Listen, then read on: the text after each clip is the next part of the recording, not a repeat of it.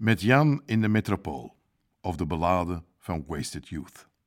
Dit verhaal is opgedragen aan de nagedachtenis van Jan. 1. 10 miljoen ton zand bedekt de tijd. 10 miljoen herinneringen bedelven de comateuze Wasted Youth. 2. Wel is waar dat de ruggengraat van een gezonde maatschappij gevormd wordt door een sterke arbeidersklasse. Toch kan mijn moeder, Wouters Camilla, niet of nauwelijks beseffen wat er gebeurt of wat haar te wachten staat als haar man, mijn vader, Berkmans Armand, vroeg in het jaar 1953 op een ijskoude, gure, bitsige januariavond het meest volslagen donker en duister van de voorkamer van een huis aan de Steenweg door Lommel, in een onverwoestbaar gebleken eikenhouten bed onder een ruige wollen deken of vier en een dikke wijnrode beddensprei met slechts weinige goed ingeoefende en raak geplaatste stoten van zijn proletarische pik in het zachte, murwe holst van mijn moeder.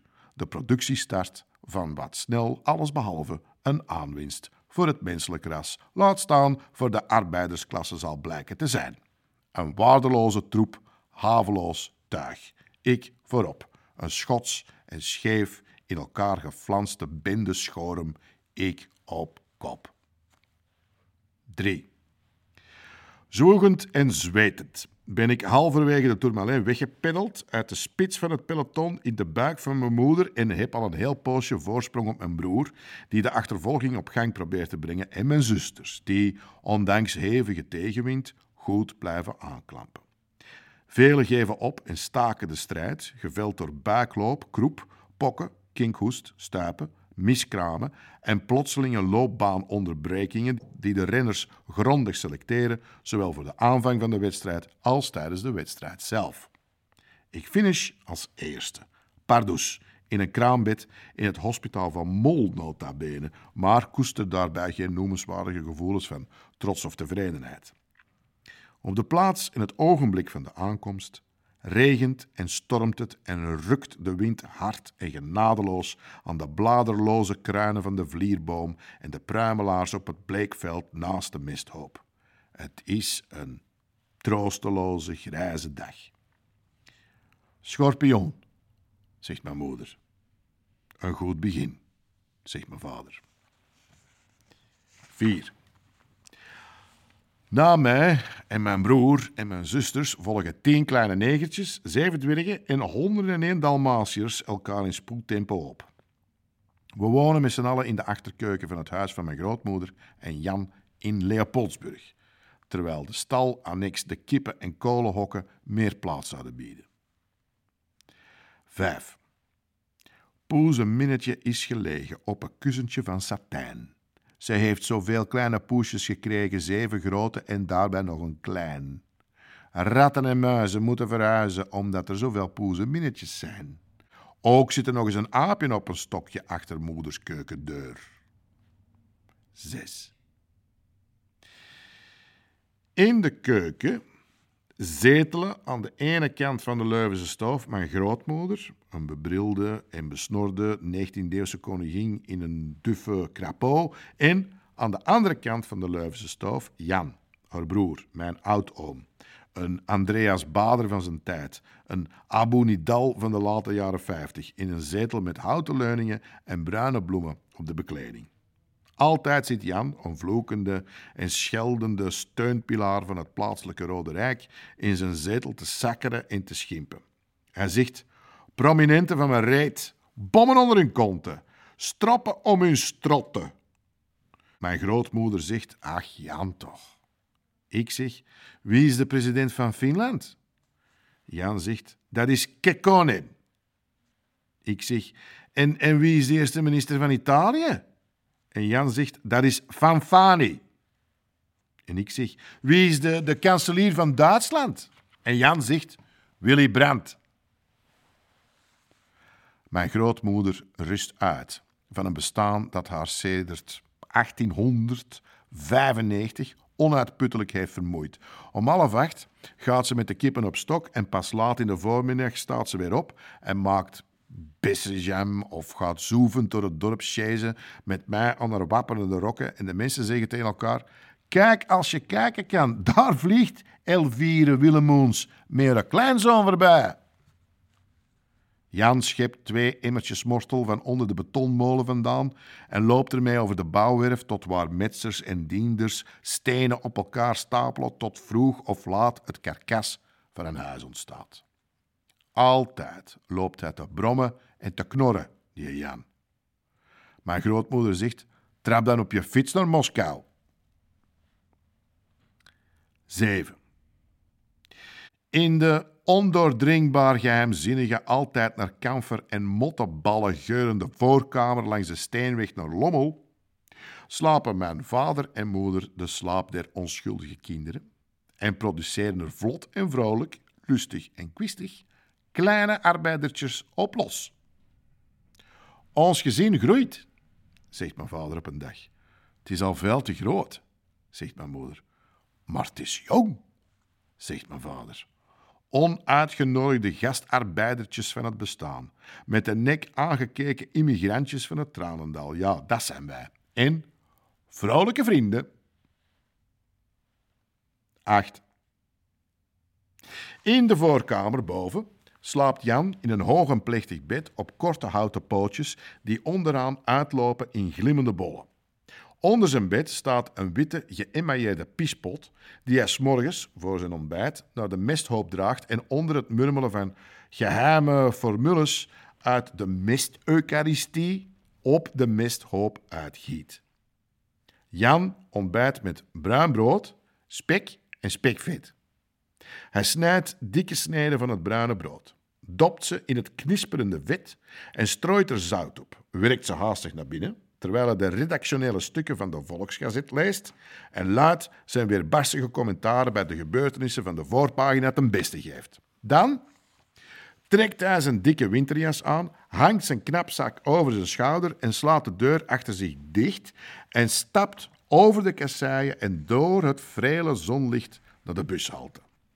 Met de bus rijdt hij naar Zon of Eindhoven, naar Houthalen, of het hele eind naar Genk of Luik, of verder, naar waar de dagen korter zijn omdat de zon later wakker wordt en vroeger slapen gaat.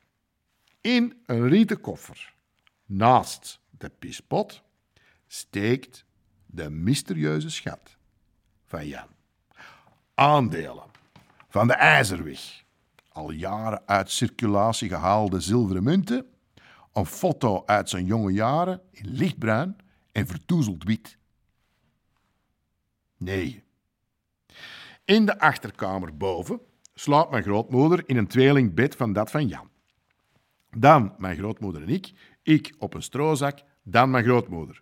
Ik en mijn broer, mijn broer in een beddenbakje, dan mijn grootmoeder, ik, mijn broer en mijn zusters en gaandeweg al het schorre morrie dat beneden geproduceerd wordt en gepromoveerd naar de hogere afdeling, de kamer, waar eerst mijn grootmoeder slaapt, dan mijn grootmoeder en ik, dan mijn grootmoeder, ik en mijn broer, dan mijn grootmoeder, mijn broer, mij, mijn zusters en ik, allen soezend en dommelend, onder het waakzame oog van de heilige maagd Maria en haar zoon, die arme Jezus Christus, die voor ons geleden heeft op de Calvarieberg en die voor ons gestorven is aan het kruis. Maar Jan beweert dat het allemaal alleen maar politieke propaganda is. 10. Piep, zegt de muis in het vogelhuis. 11. Op de binnenkoer staan het sanitair met het hartje in het deurtje van het kleine bruine huisje en de pomp. Aan de pomp kun je twee emmertjes water halen, twee emmertjes pompen. Met je billen in wankel evenwicht over de vervaarlijke strontafgrond kun je in het huisje met het hartje in het deurtje van de vaste voedselresten ontdoen, restjes brood en rode kool of vermaalde worteltjes en erwten. Jan zegt, stront en zeik is de beste mest. Daarna koeiendarmen. We zijn met z'n velen en de voorziening in tonnen menselijke mest komt dan ook nooit in het gedrang. De mesthoop is bovendien een lust voor het oog. We wonen naast het slachthuis en Jan en ik stappen, twee mestboekaniers gelijk, met de kruiwagen door de wei naar de afvalcellen, prikken onze rieken diep in de berg koeiendarmen, blazen en hersenen en laden de kruiwagen boordevol, schokken met onze blubberige vracht naar de tuin, dan met de mest van de mesthoop naast het bleekveld met de pruimelaars en de vlierboom en tenslotte met twee emmertjes stront en ik breek er als mijn nek mee. We hebben, dat moet gezegd, een vruchtbare tuin. En in de hete oogsttijd is het labeur hard. Op een stukje grasland achter de tuin bouwt mijn vader, als hij voor het eerst een poosje gek wordt, een duiventil op stelte. Een kwakzalver heeft tegen mijn moeder gezegd dat het wel zal koelen zonder blazen met mijn vader en dat ze niet te bang hoeft te zijn voor genetische beërving, dat het zich zou voortzetten op de kinderen. Hij had ongelijk, maar dat kon mijn moeder toen nog niet weten.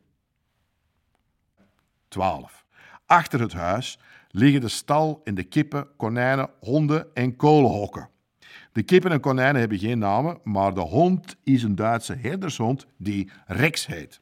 Op een dag kiest Rex het hazenpad omdat hij het niet naar zijn zin heeft mijn vader.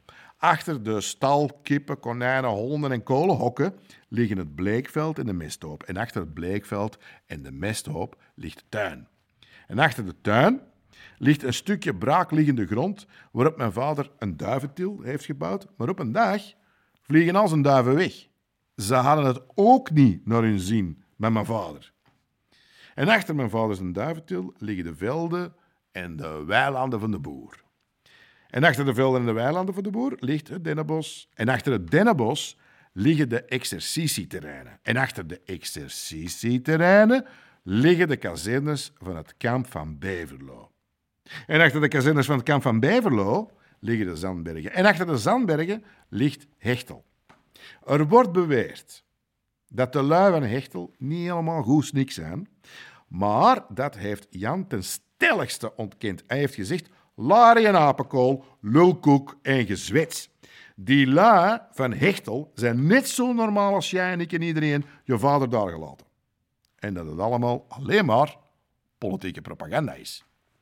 Ik zeg, hoe heet een burgemeester van Hechtel? Jan zegt dat de burgemeester van Hechtel Remy van Genechte heet. En ik. En hoe heet een burgemeester van Leopoldsburg? En Jan, de burgemeester van Leopoldsburg, heet Gaston Oeyen. En dat die Oeyen zelfs verre aangetrouwde familie is, maar dat Jan het desondanks niet met hem eens is omtrent het bestuur van de gemeente Leopoldsburg. 13. Het dorp is vierkant en hoekig. En alle straten staan er loodrecht op elkaar. En brede lanen leiden er regelrecht naar het station, naar de kerk, naar het gemeentehuis, naar het Karmelitessenklooster en naar het postkantoor. En op een open stuk grond voor het gemeentehuis staat een monument dat hulde brengt en postume eer bewijst aan de gesneuvelden van de twee wereldoorlogen, voorstellende een brullende en klauwende leeuw. En Jan heeft met zijn kameraad de sokkel gemetseld. En in de sokkel staan de namen gebeiteld van enkele tientallen gevallen Leopoldsburgers. In de vitrines van de kroegen tegenover het Witte Station hangen foto's van schaars geklede meisjes met streepjes zwarte plakband over hun borst en over hun onderbuik. S'avonds en zaterdags en zondags krioelt het in het dorp van de jonge binken in kakke uniformen en er luide muziek en feestelijk gejoel uit de deuren van de kroegen. Op zaterdagvoormiddagen komt het volk van heinde en verre naar de reuze grote markt van Leopoldsburg gefietst om een nieuwe broeken, nieuwe pitten of nieuwe schoenen of verse bakharing te kopen. Op zaterdagmiddag, na schooltijd, overhandigt Jan mij met een plechtstatig gebaar een kwartje met een gaatje. En ik zet het op een holle naar de markt en koop voor het kwartje vier zure, piramidevormige gele toffees met fijne witte lijntjes erop. Het is een plezierig dorp en het leven valt er best te leiden. 14. Het is ten strengste verboden het militair domein te betreden. Borden met doodskopen en röntgenfoto's van skeletten weerhouden de argeloze toeristen van de wegen en de vele rulle paadjes van het militaire domein te betreden. Wie het desondanks aandurft, riskeert zonder pardon dat zijn hoofd afgehaakt wordt of voor eeuwig levend begraven te worden in een van de talloze bunkers, hopeloos als vergeetputten.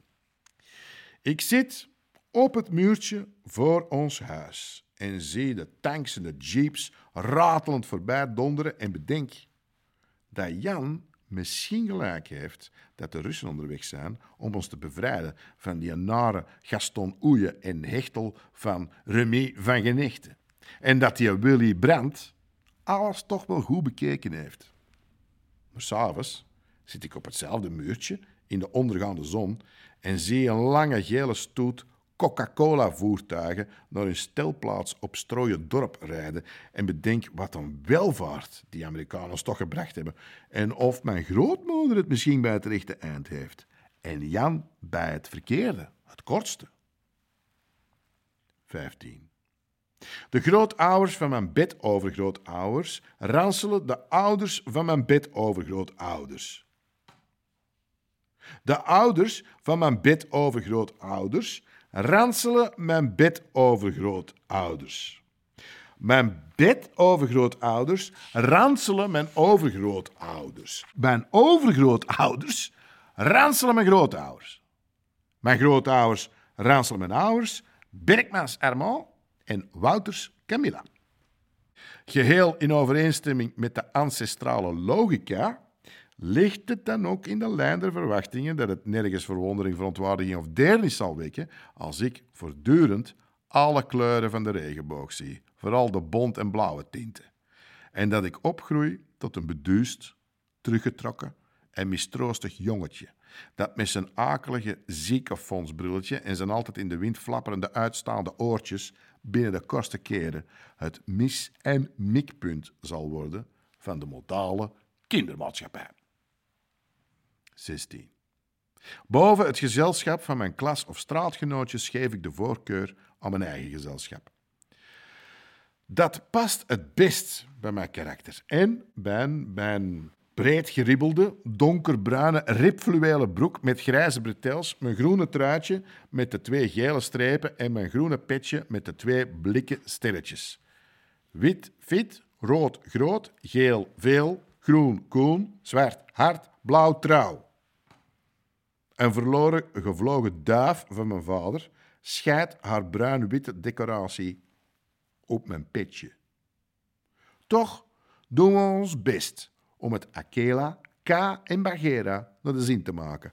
Alle baten helpen, maar niet veel. 17. Wat? Werkelijk? Hoor ik dat goed? Heeft die jongen met de kauwgumballenfoto lazer opgezicht? Heb ik hem dan geen 50 Elvissen, 25 James Dean, 20 Fabians en 10 Pat Boons geboden voor één enkele Kim Novak? 18. Leopoldsburgs arbeidersmenu uit de tijd van de door Jan zo geheten Koude Oorlog. Op doordeweekse dagen smikkelen en smakkelen we. S'morgens bruin brood met spek en vet. Smiddags smikkelen we en smakkelen we korsten. En s'avonds vasten we en drinken we pompwater. Op zaterdag smikkelen en smakkelen we verse bakharing die mijn vader gekocht heeft op de markt. En die stinkt tot ver voorbij mijn vader zijn duiventil. De graten en de staarten geeft hij aan Rex, de trouwe hond. Op zondag smikkelen en smakkelen we kip met appelmoos en aardappelpuree, bloedworst, rijstebrei en pudding, taart en koek met mokka-parels en likeuren en sigaren toe en kotsen daarna de achterkeuken vol. Soms, zelden, smikkelen en smakkelen we fourré praliné, nerva of mokkarum.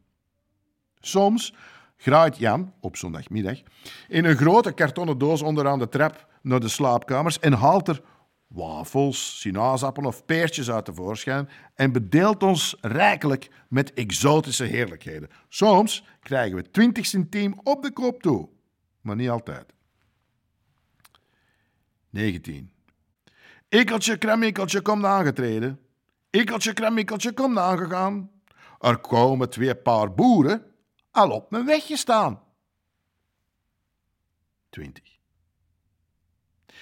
Op het braakliggende terrein achter het slachthuis hak ik met de door mijn vader in een zeldzame actieve bui in elkaar getimmerde en van koperen klinknagels voorziene Excalibur tegelijkertijd de Congolezen van Lumumba en de Mongolen van Genghis Khan in mijn eentje in de braadpan. Na afloop van het verschrikkelijke bloedbad scheur ik door het dorp op het onderstel van een afgedankte kinderwagen van mijn moeder en de mensen in de straten zeggen tegen elkaar: Kijk, als je de kans hebt, daar vliegt Manuel Fangio of Sterling Moss weer voorbij in zijn razende bolide. Op de Strontbeek bouw ik een graszode dam. Drie dagen later spoelt Leopoldsburg met man en muis het kanaaldok in. Van de landkaart en de aardbol, eerst de steenweg naar Lommel in de Kanaalstraat, dan gaandeweg het hele dorp met al zijn huizen en alle inwoners. Wie weet waarom, wordt ons gezin op wonderbaarlijke wijze gespaard.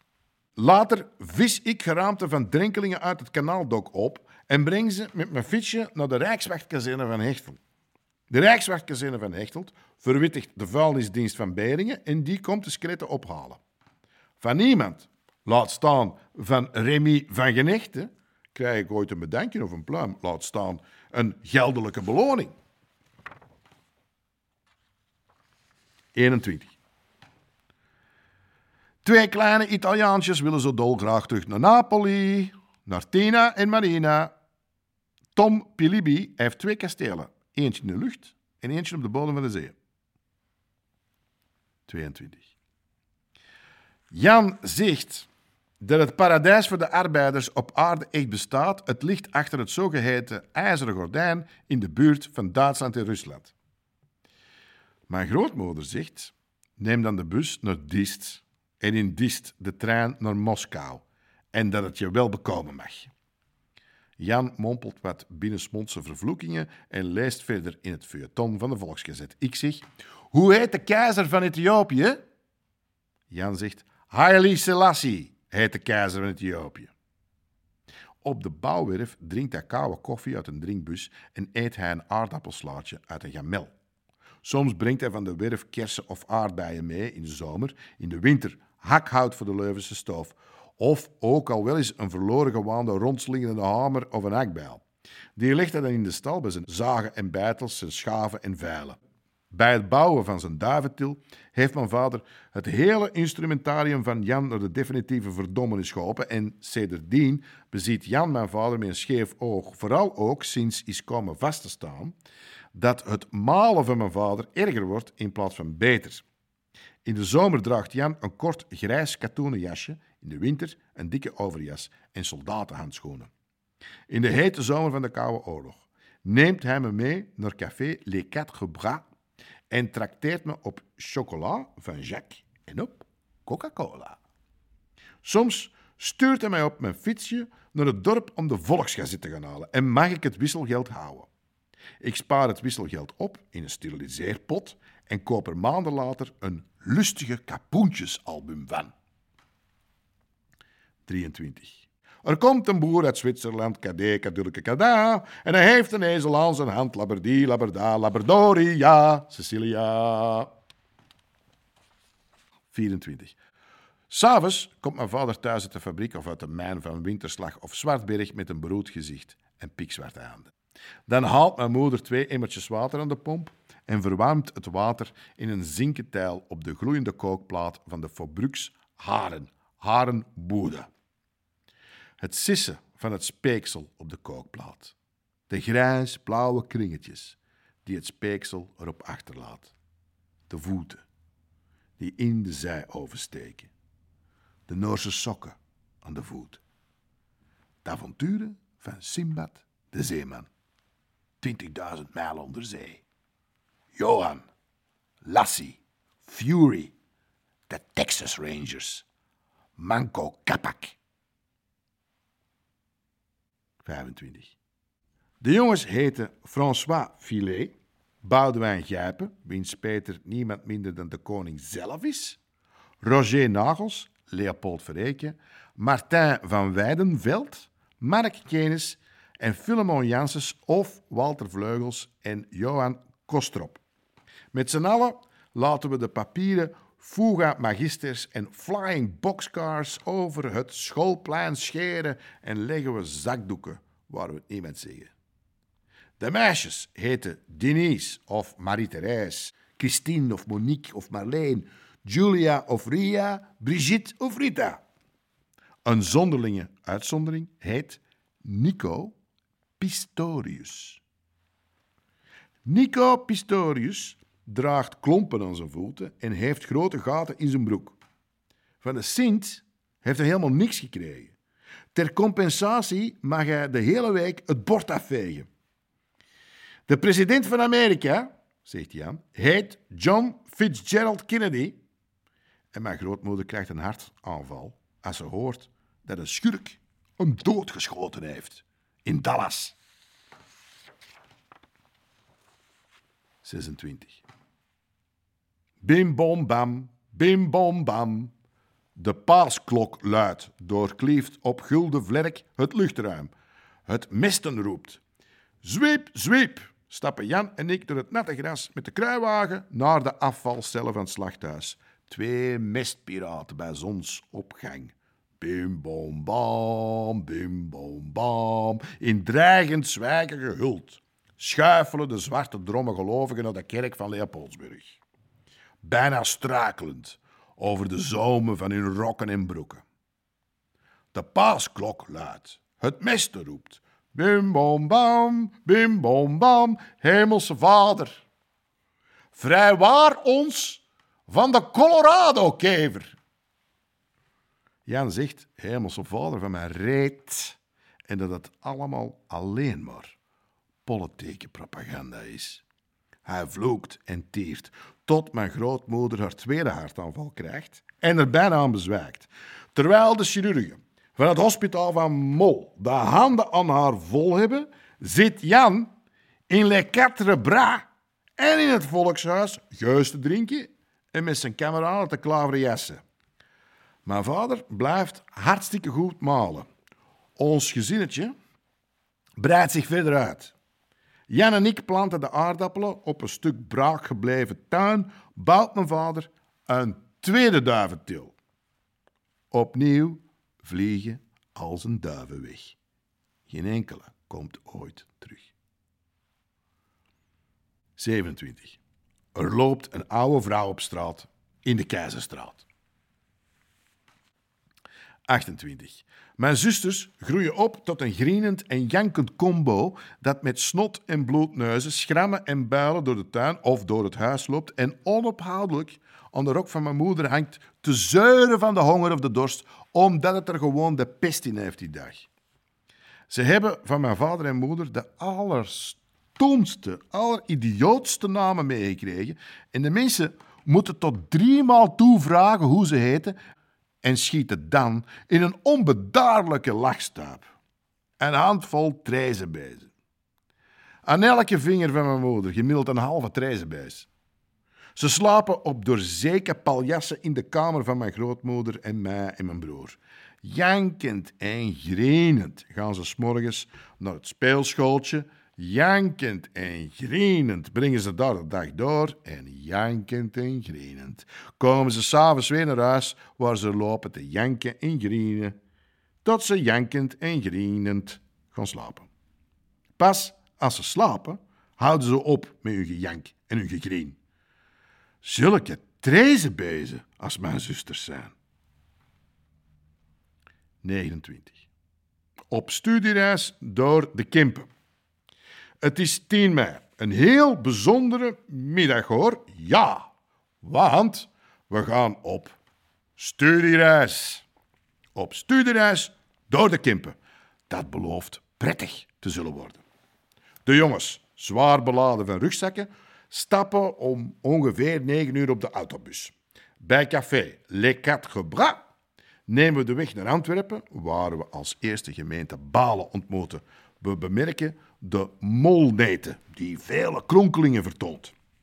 De rustig razende koeien kijken op naar de plots genaderde bussen. Een eindje verder vloeit de hoofdgracht. Balen ligt gemiddeld 34 meter boven de zeespiegel. Na een tijdje arriveren we in Mol. Daar stappen we voor de eerste maal af. We wandelen langs de 3 à 4 meter brede molneten, die ook hier vele krommingen vertoont. Een eindje op de molneten ligt een druk hoveniersbedrijf. De vriendelijke tuinman leidt ons rond de met gras omringde kunstmatig aangelegde vijver. Af en toe een bloempje plukkend gaan we naar de bloemist. Voor de cirrus zit een kleurige fazant in zijn hok. Het is behoorlijk warm in de glazen huizen. Na een wandeling in de stad en langs de muur van het verbeteringsgesticht zetten we onze reis verder. We stappen af aan sluis 6, die net opendraait. Het schip daalt met het water. De lichter is uitgevaren en wij stappen terug in de bus. Langs het Zilverstrand komen we aan het Zilvermeer. Langs het mooie terras komen we in het hotel. We lessen onze dorst en stillen onze honger. Doch het weer laat niet toe dat we op de speelpleinen spelen. We rijden terug naar Leopoldsburg. Jammer, want er is veel te leren en te zien op zo'n studiereis door de Kempen. Het regent, het giet. Onderaan de bladzijde heeft meester Jacobs 9,5 op 10 en heel goed geschreven. Als ik hem aanklamp en als een Frans uit hem schudt, als appelen uit perenbomen, zegt hij: Het huis, la maison, de jongen, le garçon, het meisje, la fille, de broer, le frère, de zuster, la sœur, de vader, le père, de moeder, la mère. Où est le garçon? Le garçon est dans la rue. Où est la fille? La fille est dans la maison. Qu'est-ce que c'est? C'est une plume? Qu'est-ce que c'est? C'est un arbre? Qu'est-ce que c'est? C'est un table. 30. Charles, ik heb gezien. Charles, het was net een vliegmachine. 31. De specialist in Hasselt heeft gezegd dat mijn vader manisch depressief is en dat er niks aan te doen is behalve pillen en verder wachten tot het weer is overgewaaid. Mijn moeder begrijpt er niks van, van manisch depressief. Jan heeft zijn schouders opgehaald en gezegd: specialist van mijn reet. Mijn grootmoeder is luidkeels gaan jammeren. Soms doet mijn vader de eigenaardigste dingen. Met een batterij blauwe geschelpte onder zijn snelbinder snort hij naar Dikke Louis, die tussen Kerkhoven en Balen in een soort schoongemaakte stallingen aan de oever van het kanaal woont en komt pas dagen later stront Lazarus en met een paar waardeloze witpennen van Dikke Louis weer naar huis en kruipt stand PD onder de wol voor een uur of 24. Soms haalt hij de deur van de voorkamer uit haar hengsels en kippert die op de mesthoop. Aan de domste dingen geeft hij zijn laatste centimen uit. Op een dag heeft hij zelfs een fiets met een sportstuur en versnellingen voor hem meegebracht. Mijn vader is net als alle andere vaders van alle andere kinderen van heel Leopoldsburg soms vriendelijk, soms boos. Een jonge, nog sterke man, een man in de kracht van zijn bestaan. Soms neemt hij mij op zijn ene knie en mijn broer op zijn andere en zingt: Ju, ju, paardje, we rijden naar Dist. Koekjes halen, een volle kist. Op een dag snort hij op zijn Vespa naar Dist en komt er thuis met een volle kist koekjes. Zulke dingen doet mijn vader als hij manisch depressief is. Soms schiet hij, om niet naar de mijn te hoeven te trekken, een kogel van zijn long rifle door de dikke teen van zijn rechtervoet en brult en briest dat horen en zien vergaan. 32. Mijn grootmoeder zegt dat Jan een goddeloze man is, maar dat hij zijn gerechte straf niet zal kunnen ontlopen. Soms komt de pastoor even bij ons aanlopen en informeert bij mijn grootmoeder naar de stand van zaken omtrent Jan en bij mijn moeder naar de stand van zaken omtrent mijn vader. Beiden hebben haast alle hoop laten varen en de pastoor suggereert een noveen. En dat is van het goede te veel. Op 1 mei staat Jan goed gemutst en wel geluimd laat op en trekt hij zijn beste pak, zijn zondagse, aan. Het is een smetteloos en fijn gesteven donkergrijs pak in drie delen met een fijn wit krijtstreepje er verticaal overheen. Hij neemt de tijd om uitgebreid te ontbijten, smult ingespannen van zijn brood en zijn spek en zijn vet en zijn suiker en zijn zout en leest er de redactionele stukken van de Volksgazet van 30 april nog eens aandachtig op na. Dan stapt hij zingend en fluitend naar het dorp en gaat er aan het hoofd van de optocht staan. Later marcheert hij fier in de spits van de optocht en zwaait zijn reusachtige vlaggenstok met de enorme rode doek rakelings over de hoofden van zijn kameraden heen. Het is het vaandel der vrijheid, heeft Jan gezegd. Maar mijn grootmoeder heeft gezegd dat Jan zijn gerechte straf wel in het vagevuur zal krijgen. Trots en uit volle borst bezingt Jan de zogeheten internationale, die alle mensen geluk brengt. Ik zeg, wat is die internationale waarover Jan het heeft? En mijn grootmoeder zegt dat het alleen maar een goddeloos lied is en dat Gaston Oeje wel aan de macht zal blijven, hoe hard Jan en zijn kameraden tot in het hols van de nacht ook in het volkshuis tekeer mogen gaan. Maar Jan zegt dat achter de oostelijke horizon de vrijheid, de broederlijkheid en de gelijkheid eraan komen gezet en nu niet lang meer op zich zullen laten wachten op zijn hoogst tot na de zomer. Mijn grootmoeder blijft herhalen dat Jan een goddeloze is en dat hij zijn gerechte straf wel zal krijgen in het hiernamaals. Ik zeg, uh, wat is dat hiernamaals uh, waarover grootmoeder het heeft? En Jan antwoordt dat het allemaal alleen maar politieke propaganda is. En dat alles binnenkort beter wordt. Ten laatste volgend jaar. 33. O mein Papa, er war ein wunderbarer Clown. O mein Papa, er war ein großer Künstler. O mein Papa, o mein Papa. 34. Ach, 10 miljoen ton zand bedekt opnieuw de tijd. 10 miljoen herinneringen bedelven opnieuw de comateuze, wasted youth.